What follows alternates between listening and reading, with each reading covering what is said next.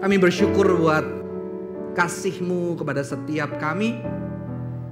Cinta yang tak berkesudahan. Cinta yang tidak pernah selesai. Cinta yang selalu diberikan kepada kami. Kami memasuki Advent yang keempat. Untuk kembali merenungkan kehadiran Tuhan Yesus di dalam hidup kami.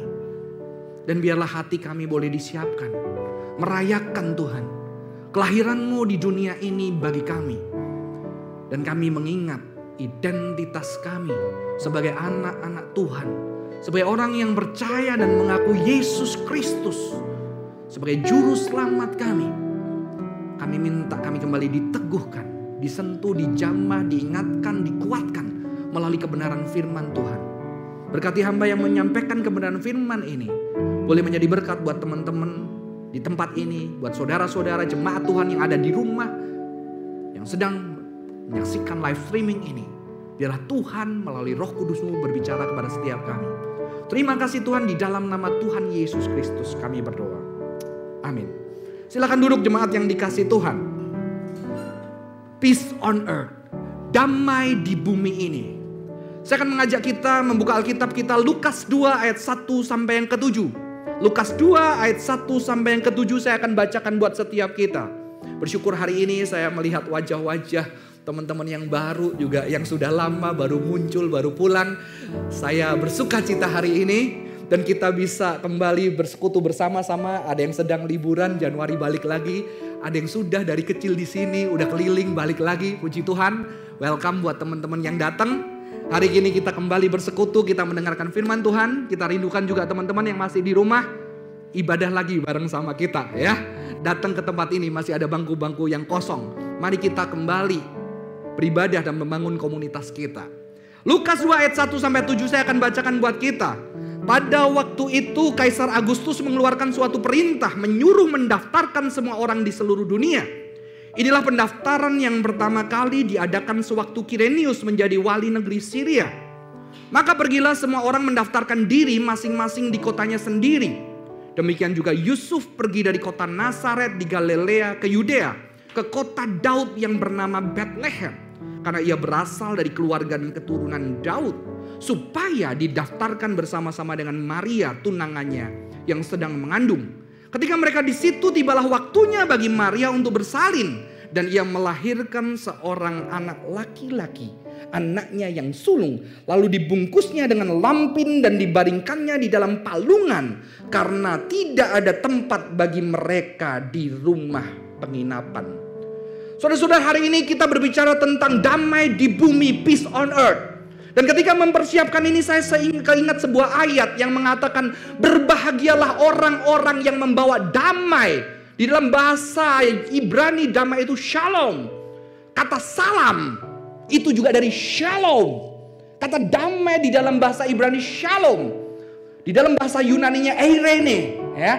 Alkitab mengatakan Matius 5 sampai 9 berbahagialah orang yang membawa damai karena dia akan disebut anak-anak Allah. Jadi salah satu ciri anak-anak Allah adalah orang yang membawa shalom. Membawa shalom. Kalau di dalam bahasa aslinya peacemaker. Pembawa damai. Shalom atau pembawa salam. Jadi kita bisa menghargai kata salam. Saudara-saudara. Itu kata yang indah. Sebelum kita membicarakan lebih dalam tentang konsep shalom di dalam Alkitab. Saya mau ajak kita melihat dari teks yang kita baca. Teks kita baca tadi diawali dengan seorang tokoh yang bernama Kaisar Agustus. Ada seorang Kaisar Agustus, saudara-saudara Kaisar Agustus ini mempunyai sebuah julukan, ya, julukan uh, sebagai di dalam bahasa Yunani Divis Filius. Divis Filius yang artinya dia adalah son of God. Jadi sebelum ya narasi Yesus lahir, diceritakan narasi seorang kaisar yang bernama Kaisar Agustus dan dia punya titel Divis Filius, Son of God. Jadi kisah kelahiran Yesus dikontraskan dengan kisah seorang kaisar yang adalah juga son of God karena dia penerus daripada Julius Caesar. Kalau Julius Caesar disebut sebagai Allah God, tetapi Agustus disebut sebagai Divis Filius, son of God. Dan ternyata Agustus tidak hanya sebagai son of God, tapi di dalam kepemerintahan Kaisar Agustus terjadi yang namanya kedamaian Romawi, Pax Romana. Kedamaian Romawi, kedamaian dunia, peace on earth. Karena orang pada masa itu berpikirnya belum dunia seluas kita. Maka mereka bisa berpikir kabarkanlah Injil sampai seujung bumi. Ujung bumi itu adalah ujung kekaisaran Romawi. Ya, maka boleh dikatakan bahwa dia adalah raja damai. Prince of Peace.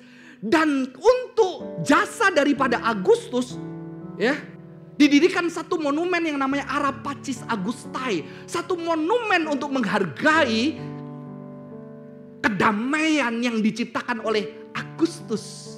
Jadi aneh sekali kisah Yesus yang katanya ada raja damai yang menghadirkan damai diawali dengan raja yang lain, Allah yang lain, anak Allah yang lain dan anak Allah yang mendatangkan kedamaian. Saya baru tahu ketika digedein ada mobil di sini saudara-saudara. nggak lihat ya, saya tadi nggak siapin gitu ya, nggak tahu mereknya Korea atau China gitu ya. Teman-teman ini raja damai, raja damai yang betul-betul membawa Romawi dunia peace peace on earth. Maka saya boleh mengatakan kisah narasi Yesus ditandai dengan adanya satu raja yang membawa damai. Terjadi yang namanya peace on earth. Kalau saudara sudah lihat bahasa asli peace shalom atau eirene artinya ketiadaan perang. Di zaman kekaisaran Agustus perang udah selesai. Romawi betul-betul aman. Sehingga Yerusalem atau Israel ketika dia memerintah sudah aman. Karena mereka bisa bersaudara dalam tanda kutip walaupun saudaranya political, political friendship. Antara Agustus dengan Herodes, antara Herodes dengan Saduki dan Farisi. Saudara tahu Saduki dan Farisi punya teologi yang berbeda. Satu percaya ada dunia setelah kematian, satu nggak percaya. Tapi mereka bisa bersatu, mereka bisa mengalami satu kedamaian. Jadi memang betul-betul di zaman Yesus ketika Yesus hadir, itu sudah damai. Jadi apa maksud dikatakan Yesus adalah raja damai? Karena Israel damai, Yerusalem damai, nggak ada perang. Dan arti kata kedamaian adalah ketiadaan perang. Keluarga yang damai adalah keluarga yang nggak ada perang. Bener nggak sih? Nggak tentu. Kalau nggak ada perang karena takut lebih dekat itu nggak damai. Maka di sini saya mengkritiki, walaupun konsep damai di dalam Alkitab ketidakan perang, tetapi konsep damai di dalam Alkitab lebih luas daripada ketidakadaan perselisihan. Ya, ketiadaan perselisihan tidak menambahkan kedamaian. Dan keadaan perselisihan tidak menambahkan itu nggak ada damai. Karena apa? Ternyata Alkitab menjelaskan the wicked have no shalom. Orang yang fasik Sekalipun lu nggak pernah keluarganya ribut, sekalipun nggak pernah terjadi perpecahan, tapi ketika orang-orang itu fasik, itu nggak ada shalom. Itu definisi dari Alkitab. Ya, ketika nggak ada ada orang yang jahat, tapi keluarganya baik-baik, anak-anaknya sekolah baik, dapat penghargaan baik, dia super kaya, tapi ternyata dia adalah orang yang fasik. Banyak orang mengalami ketidakadilan di bawah dia. Itu tidak ada damai. Sekalipun mungkin di dalam keluarganya oke-oke aja. Jadi Alkitab mendefinisikan kedamaian berbeda. Maka sebetulnya apakah hidup kita damai? Tunggu dulu. Ya, apalagi ternyata di dalam Alkitab the fruit of righteousness will be shalom. Ternyata shalom itu dihasilkan dari kebenaran. Ya, Ketiadaan perang tidak berarti itu dihasilkan kebenaran. Banyak kejadian perang-perang itu akhirnya damai, tapi banyak kefasikan, banyak politik, konspirasi, teori dan segala macamnya. Jadi sebetulnya yang namanya shalom harus dihasilkan dari righteousness. Jadi sekalipun ketika kamu hidup dengan righteous, kamu berusaha hidup benar. Tapi ternyata karena kamu hidup benar, kamu dimusuhin orang kamu dimusuhin orang fasik. Kamu dimusuhin orang jahat. Walaupun hidupmu berat. Tapi kalau menurut definisi Alkitab, kamu adalah orang-orang yang memiliki shalom. Tetapi kalau kamu hidup baik, kamu terima semuanya, kamu gak mau terlalu konflik. Bukan berarti cari gara-gara ya orang Kristen, no. Tidak, kita harus bersahabat kepada setiap orang. Tetapi ternyata Kamu ikut semuanya dan hidupmu nyaman, gak ada masalah. Tenang, bisnis lancar, sekolah lancar, semuanya lancar, gampang. Dikatakan kalau itu gak righteousness, kamu gak ada shalom. Teman-teman. Dan dikatakan apa? Ternyata shalom dan righteousness, kebenaran atau righteousness itu di dalam bahasa Yunaninya, righteousness and justice itu bareng kebenaran dan keadilan itu terlalu uh, tidak pernah terpisah. Dan ternyata kebenaran dan keadilan dan shalom kiss each other. Mereka saling bercium-ciuman. Jadi shalom di dalam Alkitab bukan berbicara keadaan hidup kita baik. Keadaan hidup baik bukan menandakan ada shalom, tapi juga jangan cari hidup yang gak baik gitu ya. Itu kita sakit. Oke? Okay? Jadi shalom dihasilkan dari righteousness tidak terpisah. Memang Kaisar Agustus berhasil mendamaikan, gak ada perang. Tapi apakah ada kebenaran di sana teman? Ya. Ternyata di dalam buku sejarah ini yang terbaru karena sekarang orang barat itu mulai sadar kenapa sejarah nyeritain dari perspektif barat. Bukankah timur juga punya uh, punya kemajuan, punya sesuatu yang membuat barat bisa maju. Sehingga barat bisa menjajah, bisa berkuasa karena dia dapat mesiu dari China. Dia dapat uh, kertas dari China. Ya, jadi reformation dan segala macam berhutang sama China karena ada kertas yang diciptakan oleh yang namanya Sun Lun. Mesin cetaknya cuma dulu kayak stempel gitu. Baru di barat ada yang namanya mesin cetak yang yang yang sangat bisa canggih. Tapi kertas dan mesiu yang membuat negara barat kalau China selesainya di kembang api waktu Xinjia. kalau barat dijadiin senapan. Yang membuat negara kuat adalah karena dia punya senapan. Dia punya besi. Ya. Maka penelitian diteliti di dunia dunia timur bahwa mereka mulai melihat sumbangsih negara timur dan uniknya di buku ini menceritakan ternyata sensus Kaisar Agustus itu terkait dengan politik untuk menuju ke jalur sutra, Silk Road. Wah, bagi saya uh, tokoh yang ngerti ini namanya Jackie Chan. Jackie Chan udah bikin film tentang Silk Road judulnya Dragon Blade gitu ya. Dia cukup. Kalau kamu nonton film mereka cukup lagi. Ada satu film lagi Great Wall ya. Itu film-film yang berbicara ada nih, ada jalur yang penting dan ternyata sejak Alexander the Great, sejak Yunani, Romawi mereka tuh bertujuan mencapai ke jalur sutra ini. Karena di situ ada satu kekayaan, ada sutra salah satunya. Ternyata teman-teman di zaman Yesus, Yesus itu harus maaf kata bersama orang tuanya yang sedang hamil dia tentang Yusuf, Yusuf dan Maria harus berjalan. Kenapa? Karena sutra China itu adalah pakaian mewah Romawi. Ya, wah ini keren bagi saya ya. Saya nggak dapat di sekolah Alkitab, saya bahkan dapat di buku-buku history. Ternyata Chinese Lake itu adalah populer bagi wanita Romawi. Sampai dikritik oleh seorang filosof stoik yang bernama Seneca. Seneca bilang, ini sutra China itu bahaya. Kenapa? Karena membuat kamu erotis. Karena lekuan tubuh wanita jadi kelihatan gitu ya. Karena itu adalah eksotik memang tetapi itu erotis sehingga dia cenderung tidak setuju. Tetapi ada Pliny mengatakan ini adalah luxury material enable the Roman lady to shimmer in public membuat wanita-wanita Romawi itu bercahaya berkilauan ketika memakai sutra. Ya, Ternyata teman-teman di tengah kedamaian Romawi, Yerusalem dan Israel, ada politikal besar, ada politik besar yang sebetulnya ada peperangan juga. Ada korban-korban. Dan bayangkan ketika Yesus berjalan, bersama di dalam kandungan bersama ibunya yang sembilan tahun harus berjalan tidak ada mobil. Dia berjalan di tengah hamil yang begitu besar. Dan saya bayangkan bukan cuma mereka. Mungkin ada orang-orang yang lumpuh juga harus digeret pakai kereta harus ditunggankan ke keledai atau harus dipikul. Karena apa? Karena sensus ini terjadi di seluruh Yerusalem baru pertama kali. Ya kayak sensus kita ya. Untuk apa? Pajak pajak demi sebuah war peperangan. Demi apa? Gaya hidup, lifestyle, kekuasaan. Sehingga ada injustice. Ada ketidakadilan di dalam kedamaian. Itulah dunia kita. Ada kedamaian tapi kalau kita teliti selalu tetap ada orang-orang yang tersisih, terkorbankan, yang tertindas, yang teraniaya. Dan ketika kedamaian itu yang terwujud, maka sebetulnya kalau menurut Alkitab itu bukan shalom, karena shalom dibangun berdasarkan righteousness. Ya. Di dalam dunia pemikiran, sejarah juga dikritisin. Karena sejarah selalu ditulis yang baik-baik. Yang tertindas, yang terbuang, tidak ditulis. Maka sekarang ahli-ahli sejarah mulai menari sejarah-sejarah yang tertindas. Sejarah-sejarah bukan dari pemenang, tapi sejarah dari orang-orang yang kalah. Orang-orang yang tertindas dan terlupakan.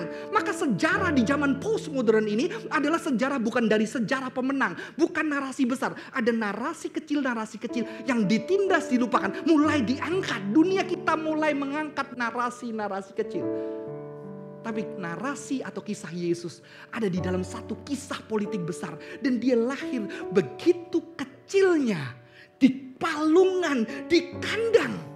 Untuk mengalami apa? Mengalami sebuah ketidakadilan. Saya minta dibantu karena ini tidak berfungsi. Slide selanjutnya. Teman-teman ada satu ketidakadilan yang ternyata di tengah kedamaian. Yesus yang punya genealogi atau punya terah raja. Yusuf punya terah raja. Tapi dia menjadi orang yang tertindas.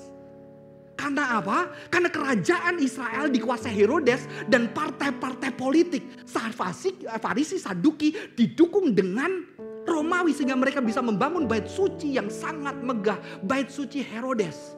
Tetapi ada satu keturunan Raja Daud yang dijanjikan keturunannya akan memerintah.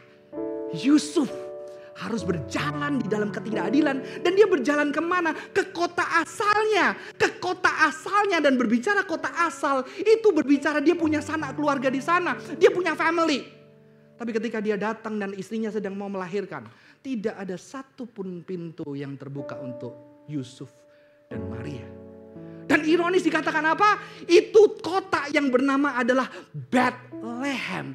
Beth itu rumah, lehem itu roti, rumah roti di tengah budaya hospitality yang menyambut orang asing di rumah yang penuh dengan roti di kota kelahirannya sendiri dan dia adalah keturunan raja dia tidak punya tempat dan celakanya istrinya sedang hamil 9 bulan. Tegakah Anda kalau Anda ada di salah satu rumah itu ada ibu-ibu yang 9 bulan mau melahirkan ya, melahirkan dan dia sudah menjerit, ya, suaminya kepanikan dan Anda tetap di atas rumah itu. Kita tahu rumah Yahudi ada dua, yang di atas sudah penuh semua dan Yesus dan Maria ditaruh di bawah di tempat yang dekat dengan kandang binatang dan Anda lihat di atas ya udah salah sendiri kalah cepet. Tegakah Anda kita yang di dalam dunia modern aja nggak tega. Apalagi mereka masih tradisional. Mereka sangat rakyat yang sangat menjaga hospitality. Tapi di situ mereka nggak punya tempat. Dan Yesus menjadi apa? Strangers. Orang asing. Pencipta semesta Allah yang menciptakan isi dunia dan manusia ini menjadi orang asing di tengah kedamaian dunia. Dan teman-teman, Bayangkan kalau kita membaca, membaca kisah ini kita masih sulit. Tetapi kisah Injil ditulis setelah surat-surat Paulus. Jadi surat Paulus itu lebih muda, baru Injil. Dan ketika Injil ditulis teman-teman, itu keadaan orang-orang Kristen juga sedang tidak baik. Orang-orang Kristen sedang mendapatkan penolakan. Mereka ketika percaya Yesus dibuang dari keluarganya. Mereka tidak diaku sebagai anak kalau mereka percaya kepada Yesus. Ketika Yesus anaknya bisa membuang dia karena kamu bukan bagian dari kami. Yahudi sangat keras. Belum lagi mereka ditindas dengan Romawi. Dan bayangkan ketika jemaat mula-mula membaca kisah Yesus yang lahir dan tidak ada tempat buat engkau. Pasti mereka dengan menangis. Ternyata gua kayak Tuhan gua. Gak punya tempat. Gak punya tempat. Di satu masyarakat Gue gak punya tempat. Gue dibuang. Tapi gue tetap harus membawa shalom. Karena aku adalah anak-anak Allah. Dan anak-anak Allah adalah membawa shalom. Mungkin kalau kita di zaman itu mengatakan, ya sekarang Mesias datang bersama dengan kita. Dia mau melawan orang-orang yang jahat itu. Romawi mau dihancurkan. Yahudi yang berkuasa mau dihancurkan. Yahudi yang jahat. Enggak semua Yahudi jahat. Hati-hati. Ketika Alkitab ngomong Yahudi yang negatif. Itu Yahudi yang berpolitik di, Yudea. Di Yerusalem. Jadi nggak semua Yahudi. Jadi tidak semua Yahudi menyalibkan Yesus. Karena murid Yesus juga Yahudi, Yesus juga Yahudi begitu ya. Kita kadang-kadang terbaca dengan antisemitisme, anti Yahudi, oh Yahudi jahat. Enggak, enggak semua Yahudi pada masa itu. Yahudi yang berkuasa. Orang-orang bawah ketika menjaga, mendengar narasi ini. Oh suatu hari Mesias datang. Semua dihancurkan, semua dikalahin. Tapi mereka kecewa karena Tuhan datang bukan untuk menghancurkan orang-orang jahat. Tuhan datang untuk membawa shalom. Dia datang memang di paling yang terluka. Sebagai orang yang di bawah karena banyak orangnya lebih yang terluka. Tetapi bukan berarti dia membenci orang-orang yang bermain politik kekuasaan. Dia bukan membenci Romawi. Dia nggak membenci Yahudi. Sehingga kalau kita baca Alkitab. Ketika Yesus lahir. Gembala-gembala datang Ketika Yesus lahir, Majus datang. Ketika Yesus hidup, Farisi datang. Nikodemus datang, Romawi datang, wanita datang, budak datang, orang merdeka datang, pemukil cukai datang, orang yang pelacur datang, semua orang di dalam segala lapisan masyarakat didamaikan. Dan itulah yang membuat kekristenan berbeda. Karena kekristenan ketika mengundang orang datang ke rumah Tuhan. Mari datang, duduk, mengangkat cawan, mengangkat roti, tidak peduli engkau kaya, miskin, Yahudi, Yunani, budak, merdeka. Engkau adalah keluarga. Dan inilah yang menginspirasi satu filsafat yang bernama kosmopolitanisme bahwa seluruh makhluk di bumi ini adalah satu keluarga. Nggak peduli latar belakangmu, nggak peduli tas yang kamu pakai merek apa, nggak peduli orang tuamu kayak apa, yang punya papa mama lemah, nggak peduli lu bercerai, nggak peduli orang tuamu bercerai, kamu diterima di rumah Tuhan dan kamu dicium di sana. Karena di dalam gereja mula-mula ada cium kudus. Kenapa? Mereka dibuang dari keluarganya. Tapi ketika mereka datang di gereja, mereka dipeluk dan dicium di bibir mereka. Artinya adalah kamu saudaraku. Kamu punya keluarga. Bukan melawan. Yesus menyatukan semua di dalam kasih Kristus. Saudara-saudara, Shalom itu sesuatu yang penting di dalam Yahudi. Saya akan sebutkan slide selanjutnya. Shalom bagi orang Yahudi ini bukan Alkitab kita, tapi orang-orang Yahudi mengatakan bahwa mencapai shalom is the purpose of entire Torah. Jadi mencapai kedamaian itu adalah tujuan dari seluruh kitab Taurat. Ya. Lalu mengatakan apa? Acts that bring shalom between people have both a concrete benefits in this world and bring a reward from God in the world to come. Ya. Tindakan yang mendatangkan shalom di antara orang karena shalom itu berkaitan dengan relasi manusia. Itu mendapatkan apa? Keuntungan di dunia sekarang tetapi juga hadiah di dunia yang akan datang.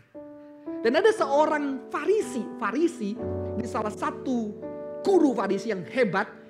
Ada dua Hilal dan Syamai dan ini adalah seorang guru yang hebat di zaman Yesus yang bernama Hilal. Dia mengatakan love shalom and persuade the heart of Judaism. Jadi ternyata shalom itu penting. Inti daripada Yudaisme. Dan bagaimana dengan Alkitab? Maka di dalam budaya Yunani itu, eh budaya Ibrani itu ada selalu kata, kata shalom alehim. Ada lagu Avenu shalom alehim. Avenu shalom alehim. Ku bawa kabar sejahtera. Ku bawa kabar sejahtera saudara-saudara. Dan dikatakan apa? Menurut rabbinic literature. Jadi literatur rabi-rabi Yahudi. Meninggikan salom di antara orang sebagai berkat yang paling tinggi. Yang menaungi segala berkat adalah shalom. Dan dunia kita mewarisi kata shalom rest in peace. Beristirahat di dalam shalom ketika orang meninggal rest in peace. Beristirahat di dalam sebuah kedamaian, kesempurnaan, keutuhan, ketiadaan penderitaan, ketiadaan kebencian, ketiadaan pertikaian. Beristirahat di dalam shalom. Ya. Di dalam bahasa lain ada kan agama seberang A shalom gitu ya. Teman-teman, shalom. Indonesia puji Tuhan. Jadi nanti kalau ngomong salam itu beautiful. Salam gitu ya. Itu adalah peace, damai. Jadi orang Yahudi kalau masuk ke rumah, shalom aleihim. Ya. Teman-teman, shalom itu penting. Tapi bagaimana dengan Alkitab? Ketika saya mempersiapkan, saya bersyukur, saya mendapatkan tambahan lagi ketika mempelajari Alkitab. Slide selanjutnya, teman-teman. Ternyata Injil adalah the gospel of shalom. Hendaklah kita mempunyai kerelaan untuk mengabarkan Injil perdamaian. Jadi ternyata Injil Kristus karena dia adalah Shalom, Raja Shalom. Injil yang kita beritakan adalah Injil Shalom, the Gospel of Shalom. Dan dikatakan juga di dalam Efesus 2 ayat 14, for he himself is our shalom. Yesus sendiri adalah apa? Shalom kita. Dan dikatakan apa? Diberkatilah engkau yang membuat shalom karena engkau adalah anak-anak Allah. Teman-teman, lihat. Jadi shalom ternyata nggak cuma Judaism, tapi bagi kekristenan, shalom itu adalah pribadi Kristus sendiri. Dan ketika kita memberitakan Kristus, kita memberitakan shalom, perdamaian. Ketika kita memberitakan shalom, menghadirkan shalom, kita dikatakan sebagai anak-anak Allah. Dan shalom berbicara apa? Berbicara sesuatu yang dihasilkan karena kebenaran. Saya akan membacakan ayat selanjutnya, slide selanjutnya Efesus 2 ayat 14 mengatakan apa? Dialah shalom kita telah mempersatukan kedua pihak dan yang telah merubuhkan tembok pemisah yaitu perseturuan. Shalom, atau eirene. Ternyata Yesus adalah shalom kita yang apa? Yang mempersatukan kedua belah pihak. Di sini orang Yahudi dan orang di luar Yahudi yang bertikai. Mereka itu diterima sebagai satu komunitas. Mereka di shalom itu menghancurkan perseturuan. Yesus ada di tengah-tengah untuk mendamaikan setiap perpecahan bagi orang Yahudi atau Yunani. Dan ayat selanjutnya, dan untuk mendamaikan keduanya di dalam satu tubuh dengan Allah oleh salib itu, ia datang dan memberitakan shalom kepada kamu yang jauh dan kepada mereka yang dekat. Yesus mengasihi orang Yahudi karena itu dekat diberitakan shalom kepada mereka. Tetapi orang yang jauh juga mendapatkan berita shalom sehingga mereka datang bersama-sama diperdamaikan. Sudah kalau kamu menjumpai perdamaian, kalau kamu pernah merasakan satu perpecahan dan akhirnya ada perdamaian. Seorang anak yang penuh dengan kebencian. Tapi ketika dia berjumpa dengan Yesus Sang Shalom, dia bisa datang kepada orang tuanya yang dia benci, yang mengecewakan dia. Dan dia bisa peluk, cium, dan dia mengatakan, I love you. Itu ada satu keindahan yang luar biasa. Seorang orang tua yang sudah disakiti berkali-kali anaknya. Mungkin anaknya sampai masuk penjara menghancurkan dan memperburuk namanya. Tapi orang tua yang tetap mau datang ke penjara itu dan memeluk. Kamu tetap anakku yang aku cintai. Itulah shalom. Dan ada keindahan yang luar biasa di sana. Dan Tuhan saudara-saudara, Tuhan memanggil kita. Sebagai sebagai peacemaker pembawa shalom. Kadang-kadang kita tersesat Berita yang mengatakan kamu percaya Yesus diselamatkan masuk surga. Betul.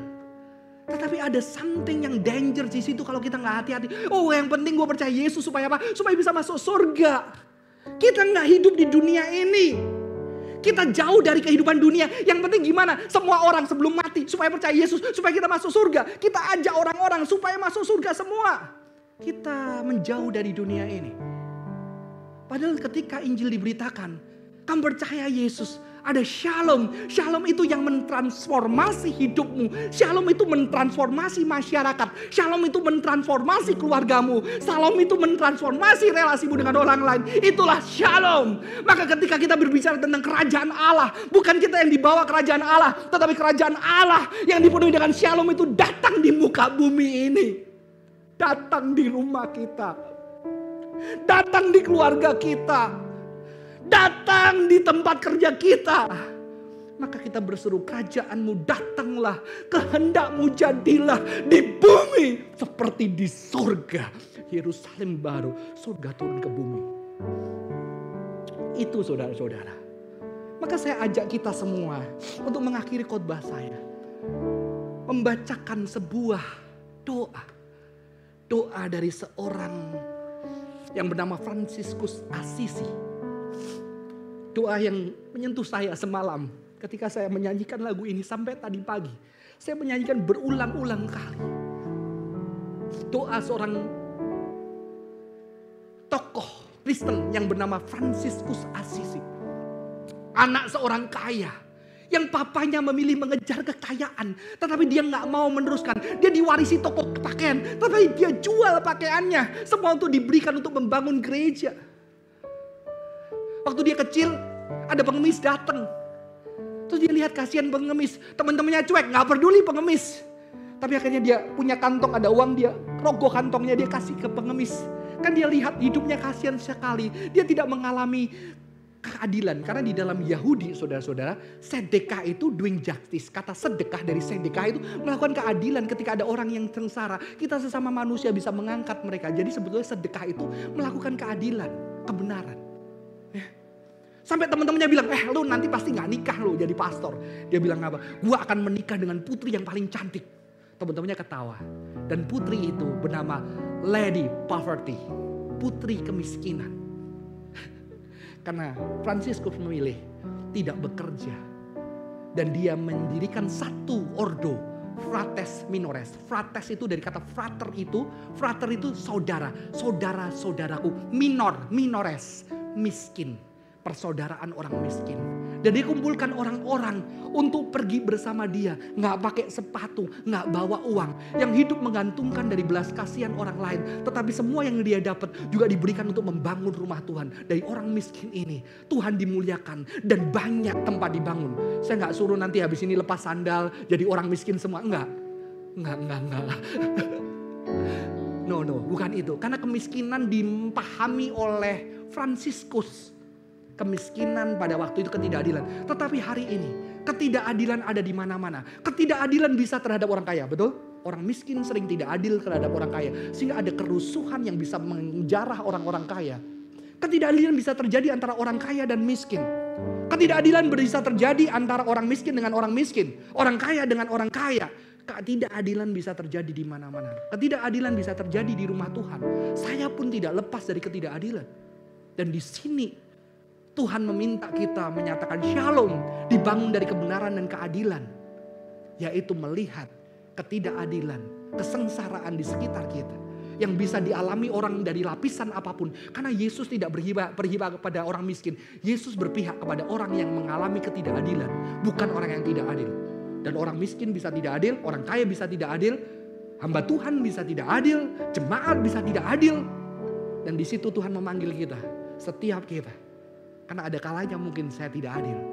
Dan saya perlu mendapatkan berkat dari teman-teman. Ya, saya akan bacakan doa Franciscus Asis. Teman-teman boleh ikut baca bareng sama saya kalau bisa kelihatan. Tuhan, jadikanlah aku pembawa damai. Bila terjadi kebencian, jadikanlah aku pembawa cinta kasih. Bila terjadi penghinaan, jadikanlah aku pembawa pengampunan. Bila terjadi perselisihan, jadikanlah aku pembawa kerukunan. Bila terjadi kebimbangan, jadikanlah aku pembawa kepastian. Bila terjadi kesesatan, jadikanlah aku pembawa kebenaran. Bila terjadi kecemasan, jadikanlah aku pembawa harapan. Bila terjadi kesedihan, jadilah aku sumber kegembiraan. Bila terjadi kegelapan, jadikanlah aku pembawa terang. Tuhan semoga aku ingin menghibur daripada dihibur, memahami daripada dipahami, mencintai daripada dicintai. Sebab dengan memberi aku menerima, dengan mengampuni aku diampuni, dengan mati suci aku bangkit lagi untuk hidup selamanya. Kalau ada perpecahan, ada kebencian, ada pertikaian, ada ketidakbenaran, hari ini kita dipanggil untuk menjadi pembawa shalom. Saya merindukan nanti bukan saya lagi. Bukan hanya saya. Di tempat ini ada orang-orang yang bersyukur dengan kehadiran kalian. Ada orang yang bisa bilang sama Nergi, Konergi, thank you. Gue punya nggak, gue nggak punya koko. Tapi sejak gue kenal lo, Gue anak pertama, gue pengen punya koko. Tapi akhirnya aku punya koko dan aku bisa belajar dari hidupmu. Ketika gue berat, gue tahu gue cari siapa. Ada yang bilang, kok Ci, aku habis ribut dari mama papaku. Aku pengen pergi dari rumah. Tapi ketika ketemu Cici, aku jadi belajar. Aku harus sayang mereka. Dan aku tahu tempat yang aku bisa istirahat. Untuk aku balik ke rumahku. Aku bisa mencintai papa mamaku lagi. Saya rindu itu terjadi. Di gereja kita. Di komunitas kita. Ada temen yang mungkin papa mamanya divorce. Tapi dia ternyata bisa menyayangi papa dan mamanya. Walaupun harus terluka. Dan papa mamanya bersyukur. Walaupun papa mama tidak bersatu. Tapi kehadiran kamu membawa kedamaian di tengah perpecahan. Mari kita pujikan lagu ini. Mari kita bangkit berdiri.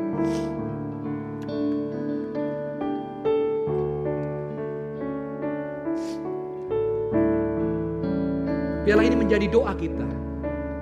Make me a channel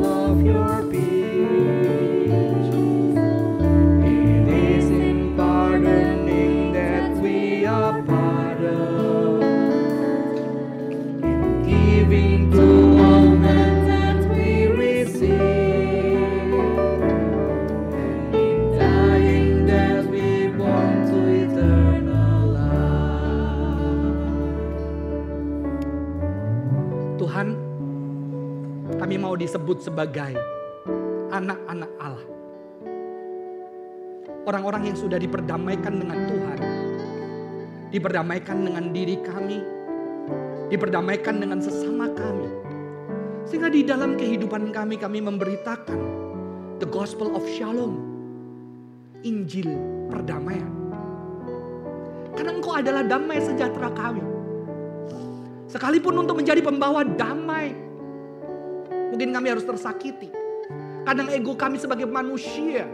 Kami juga bisa marah, bisa kecewa dan kami mau berhenti. Selesai. Tapi biarlah anugerah Tuhan membantu dan menguatkan kami. Kirimkan orang-orang juga yang bisa bersama dengan kami. Untuk berjuang dengan anugerah Tuhan. Mengabarkan kabar. Shalom. Sampai suatu hari ketika kami beristirahat. Di dalam satu dunia yang kekal. Ketika tidak ada lagi kebencian. Ketika manusia tidak lagi saling menyakiti. Ketika yang ada hanya kasih Kristus yang sempurna.